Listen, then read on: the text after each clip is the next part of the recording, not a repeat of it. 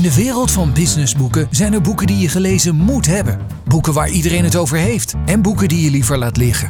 Thijs Peters en Remy Gilling gidsen je door de jungle van nieuwe businessboeken. In de Business Books podcast. Dames en heren, welkom bij de vierde aflevering alweer van de Business Books podcast. De podcast die je bijpraat over de leukste, de beste en belangrijkste businessboeken van het moment. Mijn naam is Thijs Peters, hoofdredacteur van Management Team. En naast mij zit Remy Ludo Gieling van ondernemersplatform Sprout. En achter de knoppen Gijs Vriezen van voicebooking.com. Dag Gijs. Hey, fijn dat je er weer bent. In deze aflevering bespreken we het meesterwerk van topinvesteerder John Doerr over hoe hij Google en andere unicorns uit Silicon Valley heeft geholpen met het behalen van hun megalomane werelddoelen. Leren van Ronald Meijers en Ron Meijer dat leiderschap een ambacht is spreken we met gedragswetenschapper Dan Ariely en komen we achter het geheim van succescoach Louis van Gaal. Ja, hadden we nog reacties op onze podcast? Ja, we hebben internationaal publiek bereikt. Thijs, wie was het ook alweer? Het podcast is fenomenaal. Ik hou van de snelheid, de boeken, het gesprek, het formaat. Echt briljant. Erik Wietger uit Zuid-Afrika. We, we, zijn, uh, we zijn mondiaal gegaan. Post uit Zuid-Afrika. Mooi hè? Hoe je dan via zo'n appje van, uh, van, van, van, van, van, van Apple, iTunes, denk iTunes, ik, denk ik hè?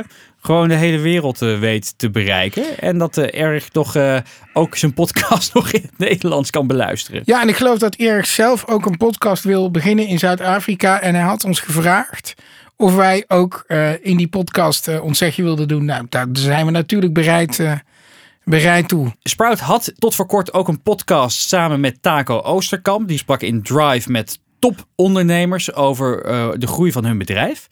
En dat is na 40 afleveringen gestopt. Maar hij begon altijd met de vraag uh, aan zijn gasten.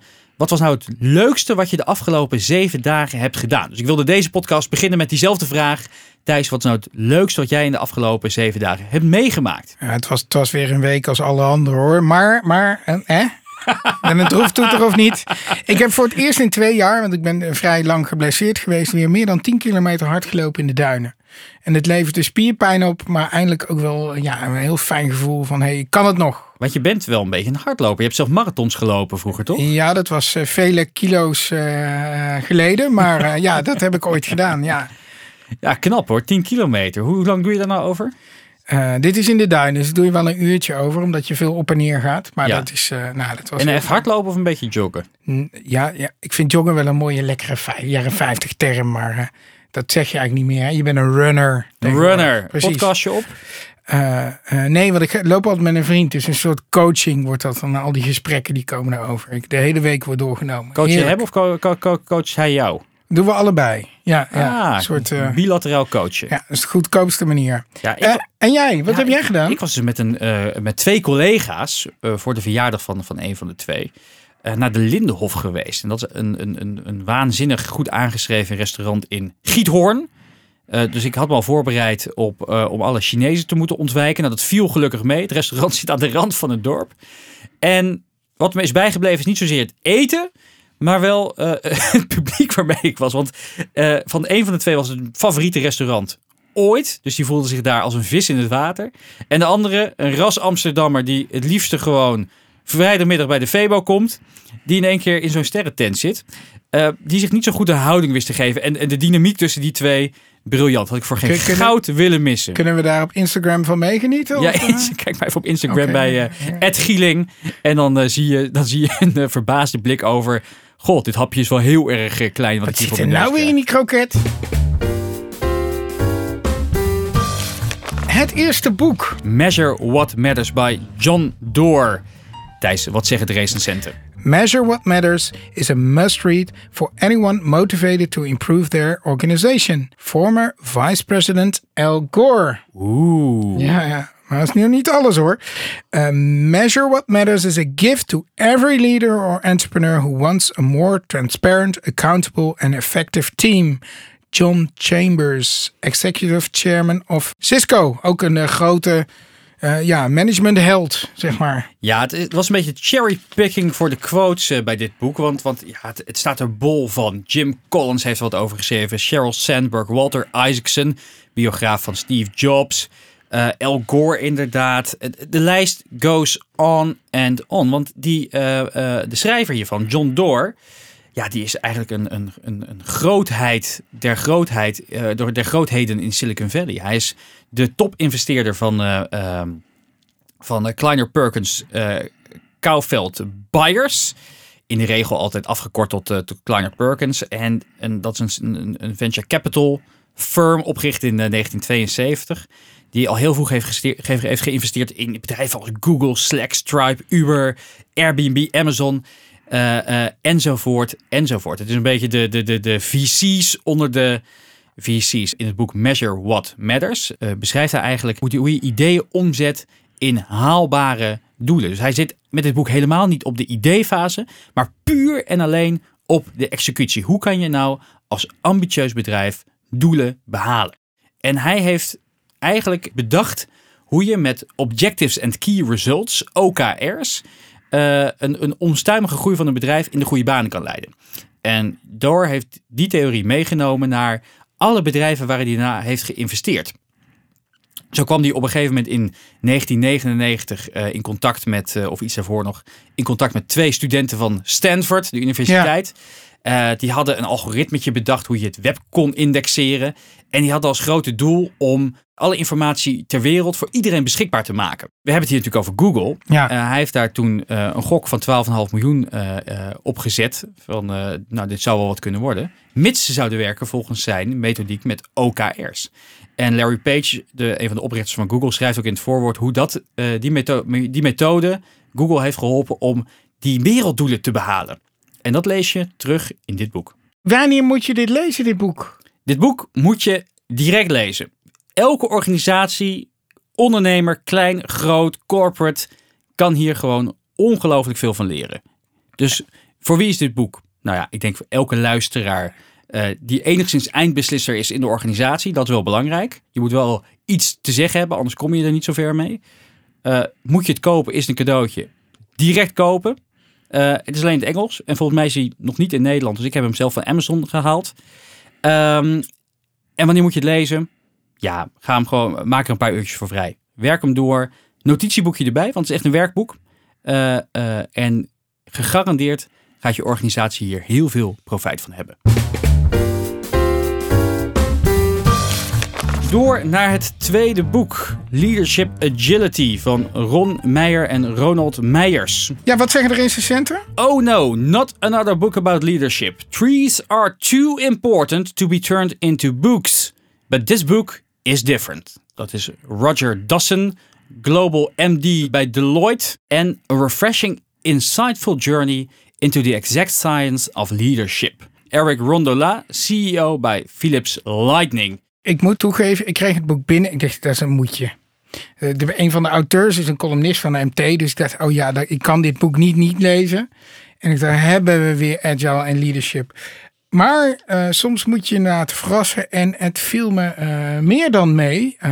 ten eerste had ik niet goed gelezen. Ik dacht weer agile leadership. Maar het gaat over leadership agility. Wat iets fundamenteel anders is. En um, het is eigenlijk wel heel erg nuttig boek. Omdat het eigenlijk heel veel leiderschapshypes onderuit schopt. Ik denk een van de problemen met leiderschap is dat sinds het jaar 2000 wil niemand meer manager zijn. Sinds we office managers hebben. Maar iedereen wil een leider zijn. Want manager, dat is iets uit de 20ste eeuw. Weet je wel. Klinkt een beetje stoffig. Heel suffig. Ja, ja, ja, precies. En, um, en zij geven duidelijk aan van nou eerst wat is leiderschap. Hè? Leiderschap is echt iets anders. Ze hadden natuurlijk Peter Drucker aan. Management is de dingen goed doen. Leiderschap is de goede dingen doen. En uh, wat ze ook zeggen, je kunt iemand wel manager maken of CEO, maar dan ben je nog geen leider. Want je bent alleen leider als je volgers hebt. Dus als mensen je accepteren als leider. Maar wat ik het mooiste vond aan het boek is dat ze eigenlijk zeggen van ja, onze neiging met leiderschapsboeken is heel erg om goeroes en om er een soort superhelden van te maken. Hè? Gaan we over, over Bill Gates lezen of Steve Jobs en wat een fantastische mannen. En, en zo moet je het ook doen. Maar zij zeggen eigenlijk, er is niet een soort recept voor wat goed leiderschap is. Er, is niet, er zijn niet zeven eigenschappen van effectief leiderschap. En als je die volgt, dan komt het allemaal goed. Nee, leiderschap is een beetje een ambacht. Het is gewoon heel hard werken. Maar dat is ook wel weer positief. Want dat betekent dus dat iedere, iedere uh, Jan met korte achternaam kan het gewoon leren. En want als je naar al die goe- goeroes kijkt, die hebben ook niet weer het afgekeken van de anderen. Die hebben ook een beetje hun eigen stijl ontwikkeld, lijkt me. Ja, en dat is wel knap. Maar een heel mooi model. Het is wel een werkboek. Echt een werkboek. Net als jouw vorige boek. Je moet er ook een notitieboekje eh, naast houden. Want dat moet ik er wel van zeggen. Het is wel onwaarschijnlijk saai vormgegeven. Ja, het, Dit doet me weer denken aan, aan, de, aan de collegeboeken van vroeger. het is ook eigenlijk een collegeboek. En, en, en daarom moet je het ook niet s'avonds in bed gaan lezen. Tenzij je een slaapprobleem hebt. Maar eh, wat je wel goed kan zeggen, een soort schema's met eh, eh, verschillende leiderschapsstijlen. En ze laten je eigenlijk, als je het boek doorwerkt, een beetje ontdekken van wat is nou de leiderschapsstijl die het beste bij mij past. Want ze zeggen, er, het is niet goed of slecht. Je hebt niet deze leiderschapsstijl werkt wel en die niet. Reflectief of proactief. Hè? Dus dat je eerst alles uitdenkt en dan dingen uit gaat voeren. Of dat je gewoon begint en daarop reageert. Hè? Dat zijn twee verschillende manieren. En die kunnen in verschillende situaties, maar vooral ook eh, bij verschillende personen beter of minder goed uitpakken. Dus ze, ze ze geven je eigenlijk heel veel handvatten van: hey, hoe zit ik in elkaar en wat voor leiderschapsstijl past daarbij? En natuurlijk, er komen ook wel weer een paar prachtige quotes eh, voorbij. Voor wie is het nou Ja, je, precies? hoeft, je hoeft niet de baas te zijn om een leider te zijn. Hè? Stel dat je een zwakke eh, manager hebt, En er zijn er veel van. precies, dan is het juist heel goed dat je dit boek leest en zelf de leiding neemt. Hè? Je Ah, kunt dus een het leider zijn zonder manager te zijn. Dus voor, de, voor, de, voor het eh, aspiratieniveau van leiders is het goed. Ja, is het heel goed. Wanneer moet je het lezen? Eh, nou ja, eh, als je een beetje fris bent. Ik zou dit niet s'avonds avonds gaan lezen, want, en niet op vakantie. Maar het is wel, het is, het is even studeren. Ja, want het kost denk ik wel wat moeite om het op te pakken. Ze hebben ook een ontzettend saai stokplaatje van, van een paar mensen in een kano eh, De op de uit- voorkant gezet. De uitgever had, had het ietsje frivoler uit moeten pakken. Want het is wel goed geschreven, weet je. Het is niet zo dat het slecht geschreven Het is wel leuk geschreven op zich. Ja, maar Het ik kijk dan toch ook altijd wel een beetje naar de... Ja, je don't judge a book by its cover. Maar ik kijk er toch altijd een beetje naar hoe, hoe het is vormgegeven. En ik krijg je toch echt wel jeuk op op hele bijzondere plekken. Nou, ik vind, ik vind het wel een beetje, een beetje makkelijk om het bij... eh, maar goed, ik moet Anyway, zeggen... jij, jij bent enthousiast, dat is heel goed. Ja. Eh, eh, tot slot, kopen, cadeautje. Nee, die moet je kopen. Ik bedoel, je geeft ook mensen geen grammatica boek cadeau. Dit is een werkboek, dat geef je niet cadeau. Dat, dat koop je en daar ga je op zitten blokken. Precies. En, en, en op het einde ben je echt een stuk wijzer. Dus je moet dit kopen. Dan gaan we door met ons interview van deze aflevering. En dat is best een bijzondere. We hebben gesproken met gedragspsycholoog Dan Ariely. Uh, Mr. Ariely, can you tell us in a nutshell what this book is about? um, in a nutshell. The book is about the mistakes, at least some of the mistakes we make when we spend money, and a little bit about how we might be able to do things better. Is there something uh, what really surprised you when you were doing your research for this book? The problems with money have been with us for a long time. and It's not new, of course. But one of the things that has happened in the last few years is that payment methods have becoming easier and easier. So we have Apple Pay and Android Pay, and all of those things make us think less about opportunity cost of money. So when you live in a world in which you uh, work with cash, you see the cash leaving your wallet and you see the cash leaving your wallet, and you, at some level, understand that you're giving something up. The moment you move to digital uh, currency and to things that are thoughtless, like Waving or Apple Pay or Android Pay, it becomes even even harder to think about what exactly are you giving up. So I think it's more timely uh, to think about the psychology of money now when when spending is becoming easier and easier and more and more thoughtless. So 2,000 years ago, we basically saved with goats, goats, chickens, cattle. Uh, and, and the nice thing about saving in livestock is that you can come home at night and you can see how much, how many goats your neighbor has. And we could compete on savings. Um, and of course, uh, as we invented money as, and we invented digital money, we took this activity called saving and insurance and we made it invisible invisible to ourselves, to our family, to our neighbors. Um, and we took this other activity called spending and made it extra visible. So now we have a competition between two things. We have a competition between something that we don't see and a competition between something that is very, very, very visible. And of course, it does change behavior in a big way. Uh, so, so think, for example, about um, the zip code lottery in, in Holland. Uh, my understanding is that you have this uh, type of of, of a lottery that all the people in a zip code win if they bought a ticket. Yes. And the people that did not buy a ticket get the joy of living next to somebody who just got much richer. And they will get to wake up every morning and they will get to say, Why did I make this stupid mistake? Why didn't I buy that lottery ticket? And uh, of course, this is a very morally dubious uh, decision by your government to allow it. And you know, we can, we can talk at length about how lottery tax the poor and, and so on. But, but the point is, that we are competitive. We would compete on anything, and the design of the environment will get us to compete either on good things or on bad things. And this idea that money became invisible and saving became invisible, insurance became invisible, I don't think it was by design, but, but I think this is the outcome. So, so the point is that I think we need to really think about the design of money. We're kind of an amazing period of time where money is moving to be digital.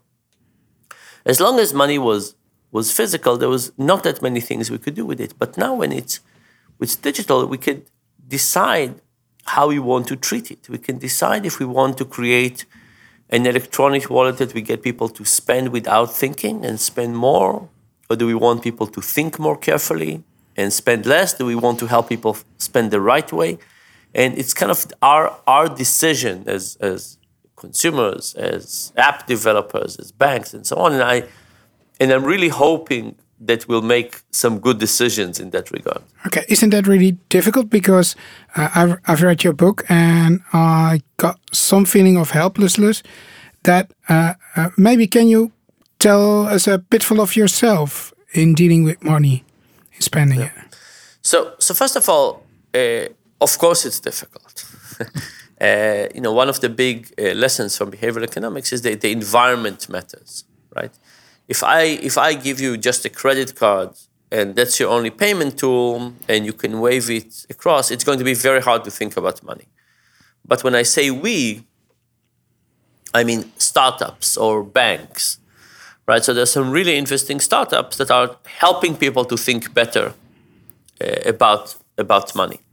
So so I, I'm I'm optimistic that we can design, we as a society, we can design technologies that actually help us to think about money better, not just about spending it.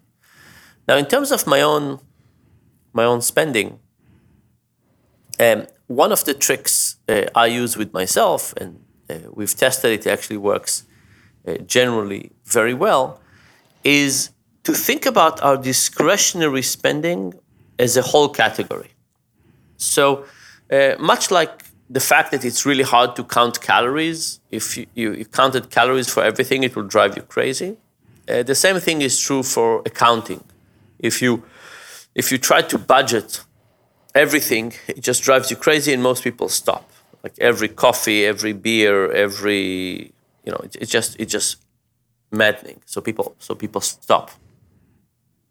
So we find that a, a better approach is to say, take all your discretionary spending and, and categorize it together.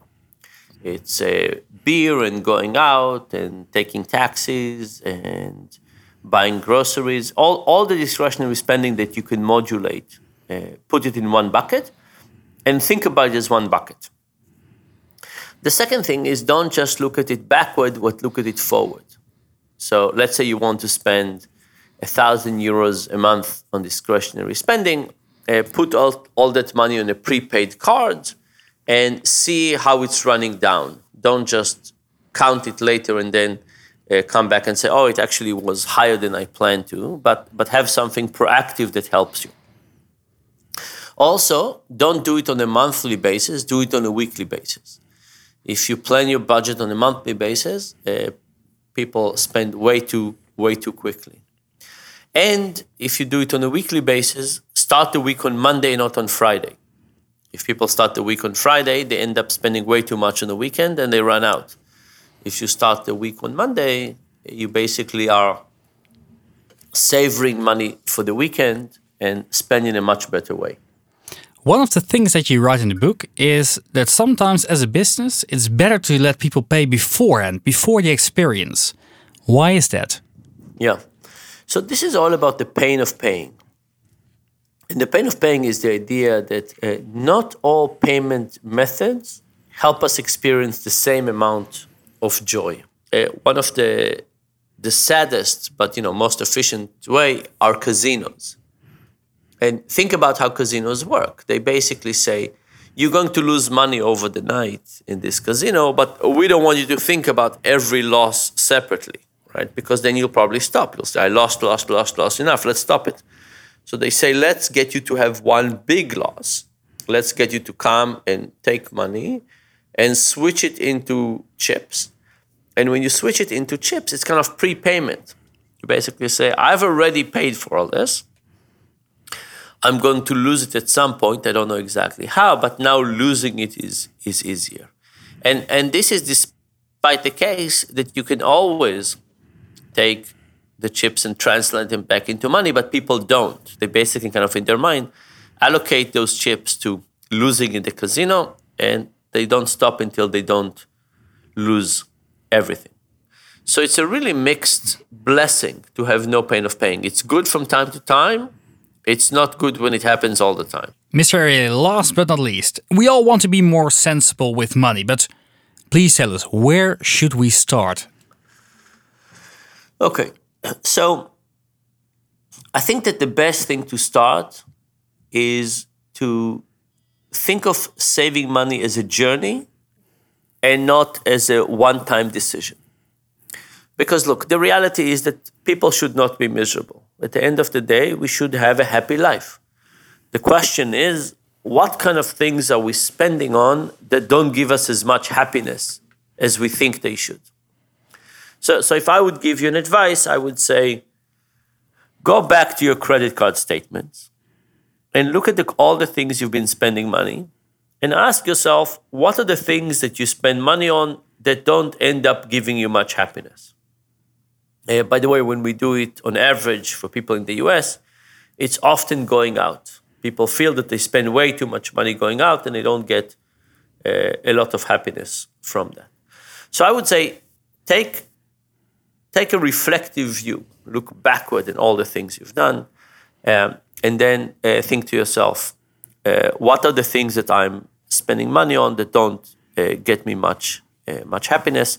And then what I would do is I would uh, start by cutting those those things out and actually make sure that indeed you're not much more miserable. And then I would move to the next step and say, what else uh, can I can I reduce? And I think it's kind of a journey that that instead of kind of starting to spend in a habitual pattern without thinking about it, we actually reflect once in a while about the relationship between what we spend money on and what truly brings us happiness. Mr. Ari- Mr. Ariely, can we thank you very much for joining us on our show? Take care. Thank you. Take care. Bye. Ja, hij was nog in het nieuws, hè, meneer Ariely. Nadat wij dit interview hebben gedaan. Nadat we dit interview hebben gedaan, kwam in het nieuws dat een aantal mensen zijn onderzoeken die hij heeft uitgevoerd voor zijn vele boeken, eh, eh, dat ze die hebben nagebootst en dat ze op hele andere resultaten uitkwamen. Ja, want dat onderzoek dat was, dan lieten ze mensen die tien geboden lezen. En eh, als je die van tevoren las en daarna ging je een soort spelletje doen met geld of weet ik wat, dan bleek je een hoger moreel en ethisch besef te hebben, omdat je dat, die tien geboden had gelezen. En dat blijkt nou dus, dat hebben ze over de hele wereld hebben ze dat proberen te reproduceren en dat, dat, dat lukte niet. En, en ik dacht, eh, op basis van die theorie hebben heel veel bedrijven zo'n mooie slogan aan de muur hangen van eh, dit is... eh, Ethisch moreel besef. maar dat, dat werkt dus allemaal niet. Maar goed, to be fair, volgens mij als je 80% van de wetenschappelijke onderzoeken nog eens een keertje gaat doen, dan kom je op weer andere Zeker in de sociale psychologie. En, en, en dan wil ik nog even naar het boek zelf. Wat, Ja, wat- vonden we ervan? Ik moet zeggen, ik heb beter werk van de heer Ariely gelezen. Ehm, hij heeft natuurlijk samengeschreven met Jeff Chrysler. Ja, ik ben er niet kapot van. Wat mij is bijgebleven uit het boek is bijvoorbeeld een klein dingetje als betaal je vakantie vooraf. Eh, dan heb je de betaalpijn naar voren gehaald. En dan geniet je er uiteindelijk meer van tijdens je vakantie. Nou, eh, simpel trucje. Goed te Ja. doen. Ehm, maar om nou te zeggen dat het me echt eh, wereldschokkende inzichten over geld en mijn eigen gedrag heeft gegeven. Nee. Ik heb veel leuke inzichten gelezen. Wat mij vooral bij is gebleven is dat die eh, Jeff Chrysler... eh, laat hij weer auto's gaan maken. Nee, want je, je schrijft het heel anders. Maar die, die man is comedian.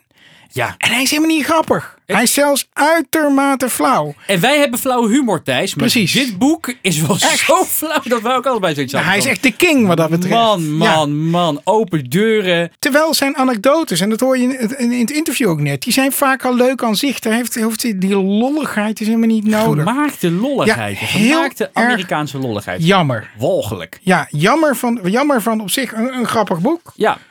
Op zich nog steeds leuk om cadeau te geven. Het is een cadeautje, ja. Eh, Cadeautje. Aan nou, mensen, aan vrienden die wat moeilijk met geld kunnen Met een omgaan. gat in de hand. Ja, lijkt me een uitstekende. Laatste boek alweer. We gaan naar het laatste boek. Ik vond het een bijzondere keus van je, Thijs. Ja. Het is De Hand van Van Gaal. Hugo Lochtenberg heeft geschreven, journalist bij NRC. De recensenten. Een onwijs leuk boek. Edwin Evers, Nou, is dat Radio een 538. lekker inhoudelijke recensie? Al lekker hè? inhoudelijk. En deze vond ik ook wel heel aardig. Niet onaardig geschreven. Door de heer Van Gaal zelf. Kijk, nou ja, dat, dat is, van hem Dat is dat het grootste een- compliment dat je kunt dat, krijgen. dat, dat krijg je niet snel, Ja. nee.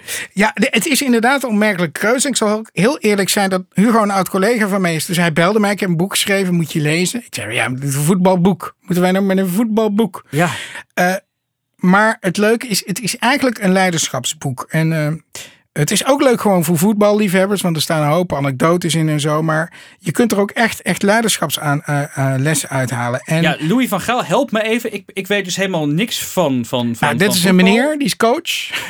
nee, eh, Va- Van Gaal is natuurlijk ooit eh, is succesvol bij bijna alle clubs die, eh, waar hij werkt. Bij Barcelona, bij Bayern München en eh, vroeger bij Ajax natuurlijk de Champions League gewonnen.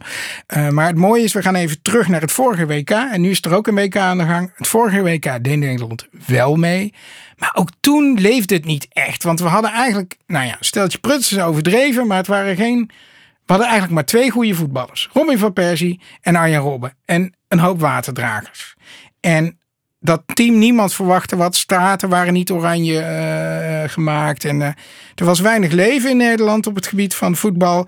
En Van Gaal wist met dat matiggetal in de, in de team derde te worden. Nou, even terug naar leiderschap. Kijk, als je een bedrijf groot maakt, heb je vijf jaar de tijd of tien jaar de tijd. Hij had twaalf weken om van een groep matige voetballers om daar wereldkampioen mee te worden. En dat is een soort pressure cooker. En dat, daar kun je dus echt aan leren hoe je in korte tijd mensen zo motiveert en een doel bereikt. Eh, eh, key objectives, wat waren het? Objectives en key results. Precies. Object- heeft objective is dan inderdaad wereldkampioen worden. Ja. Key result, nou dat, dat moet je dan maar gaan bedenken hoe je dat... eh, Doelpunten maken, denk ik dan. maken, eh, veel Ja. trainen, veel slapen. Precies. En wat is nou dat geheim van Van Gaal? En, en dat vind ik wel leuk, lees je ook echt in het boek door. Het eerste is niets, maar dan ook helemaal niets aan het toeval overlaten. Je denkt zo'n voetbaltrainer, is een beetje intuïtief. Niet. Ben je coachen, hè? mensen in hun Nee. kracht zetten. Nope. Hij verzamelt data eh, van de weet ik hoeveel wedstrijden. Laat alles filmen. Alle getallen komen voorbij. En dan maakt hij een plan en dan is het stick to the plan. Dus hij kreeg die voetballers in de kwalificatie voor het WK natuurlijk al eh, eh, bij elkaar. En hij zag al van ja, dit zijn niet echt briljante voetballers. We zitten in een pool met wereldkampioen Spanje. In principe gaan we hier dramatisch verliezen. Dat dacht ook heel Nederland terecht. Ik kan me voorstellen. En coach- zij zitten kijken, wat kunnen we nou doen om wel te winnen? En toen kwam hij op het idee van, ja, eigenlijk eh, na al die wedstrijden van bijvoorbeeld Spanje te zien, zag hij dat ze zo na de 70ste minuut een beetje wel die voetballers moe. Toen dacht hij, oké, wat wij moeten doen is de boel achterin dichtbouwen. Hè. We gingen voor het eerst met vijf verdedigers spelen. En gewoon een beren goede conditie hebben, zodat we op het eind van die wedstrijden het verschil kunnen maken. Nou, dit is ook gebleken. Hè. Spanje versloegen we met 5-1, maar liefst ook een beetje geluk. Maar hij heeft dus die, hij heeft die, die, die spelers over de kling gejaagd qua conditie. En ook verteld waarom. Van ja, jongens, jullie zijn gewoon niet zo vreselijk goed. Dus dan moet je maar harder werken. Nou, heb ik zelf een hekel aan drie dingen. Dat zijn trage computers, SP'ers en voetbal. En voetbal, hè? Ja. Is dit boek ook voor iemand als mij geschikt? Eh, nou, ik denk, eh, ik denk dat je eh, wat dingen over kunt slaan. Dat zijn al die ruzies over voetbal international en zo. Dus Precies. Gewoon doorbladeren. maar hoe die met mensen omgaat en hoe die het beste uit, zijn, uit die jongens weet te halen, dat is denk ik wel echt, echt leerzaam. Ja. Voor wie is het boek? Voor mensen die van voetbal houden en voor mensen die in korte tijd met een team een hoog doel be- moeten bereiken. Wanneer moet je het lezen? Dit is leuk voor op vakantie of nu tijdens het WK. Eh, en tot slot, Cadeautje? Dat is een cadeautje. Cadeautje. Cadeautje voor wie? Eh, voor iemand die niet. Nee. voor, voor vrouwen die niet van voetbal houden. Ik neem ze ook meteen Eh, mee. Ja, neem maar mee. mee. Nee, En dus denk- niet onaardig geschreven. niet onaardig geschreven. Niet onaardig nee, precies. Nou, we zijn alweer aan het einde gekomen, Remy. Ja, Tips. we sluiten altijd af met tips from around the web. Wat is ons opgevallen? Wat moeten mensen zien, kijken, horen, voelen? Ehm, ik had zelf eigenlijk twee tips die ik even heel snel wil behandelen. Allereerst is een, eh, Netflix, een, een, een documentaire op Netflix genaamd The Defiant Ones. En die gaat eigenlijk over hoe Beats by Dr. Dre, hè, dat merk wat uiteindelijk voor 3 miljard door Apple is gekocht, groot is geworden. Het is bijna een filmische biografie van Dr. Dre en zijn co-founder Jimmy Iovine. En het is een prachtig gemaakt, vier, vier luik, vier afleveringen van ongeveer een uur, over hun rol in de muziekindustrie en hoe zij, eh, eh, hoe zij groot zijn geworden. Prachtig gemaakt, Bi- echt een Binge aanrader. watch waardig. Binge-watch waardig. Kijk. En een tweede eh, is, een, is een must listen. En dat is een, een, eh, een podcast van Stephen Fry. En die heet The Great Leap Years. En daarin eh, beschrijft hij met die prachtige, mooie vertelstem van hem over gebeurtenissen en mensen eh, uit de geschiedenis, uit de recente geschiedenis, maar ook van ver verleden. In de eerste aflevering eh, gaat hij bijvoorbeeld in over, eh, over, over de Gutenberg Bible. Mensen en gebeurtenissen die onze, ons leven radicaal hebben veranderd. En hoe dat is gebeurd. Echt een must listen, dus gelijk abonneren. Ja, ik, zou, ik, ik, ik ga gewoon door met Stephen Fry. Een must read dan is zijn boek Mythos. Nieuwste boek, hè? Ja, ja over, over Griekse mythen. En fantastisch. Ja, vooral, kijk, ik ben niet, eh, ik heb geen gymnasium gedaan. En we, in Nederland horen we die verhalen te weinig. Maar het was, het is prachtig geschreven. Die mythe heeft hij, eh, zeg maar, op toegankelijke manier opgeschreven. En bij mij vielen de hele tijd kwartjes. Oké, daar komt dat woord vandaan. Oh, daar is die uitdrukking vandaan. Heel erg mooi geschreven. Echt, eh, Wat een multitalent is dat die moet op vakantie. Ja, ik ben, ja, inderdaad. Fantastisch. Dan zijn we alweer aan het einde gekomen van deze podcast. Dank jullie wel voor het luisteren. En wil je ons nou een groot plezier doen? Zou je dan een recensie willen achterlaten bij iTunes of bij een van de andere platforms waar je dit, eh, deze podcast luistert? Dat helpt namelijk de podcast beter gevonden te worden voor eh, andere mensen die geïnteresseerd zijn in de lessen uit businessboeken. Wil je nou een van de boeken bestellen die we hier hebben besproken? Ga dan even naar businessbookspodcast.nl. Daar staan ze allemaal keurig netjes op een rijtje. Ja, en de volgende keer spreken we waarschijnlijk met Ben Tigelaar over zijn nieuwste boek. De ladder. Ja, en we gaan, een, eh, we gaan kijken welke boek je op vakantie mee moet nemen. Hè? Welke boeken moeten in de reiskoffer mee? Precies. We zien je graag, of we horen je graag, de volgende keer. Tot zover de Business Books Podcast. Meer afleveringen luisteren? Abonneer je via iTunes of Soundcloud en krijg een melding wanneer er een nieuwe aflevering live gaat. De Business Books Podcast is een uitgave van Sprout en Management Team en wordt geproduceerd door voicebooking.com.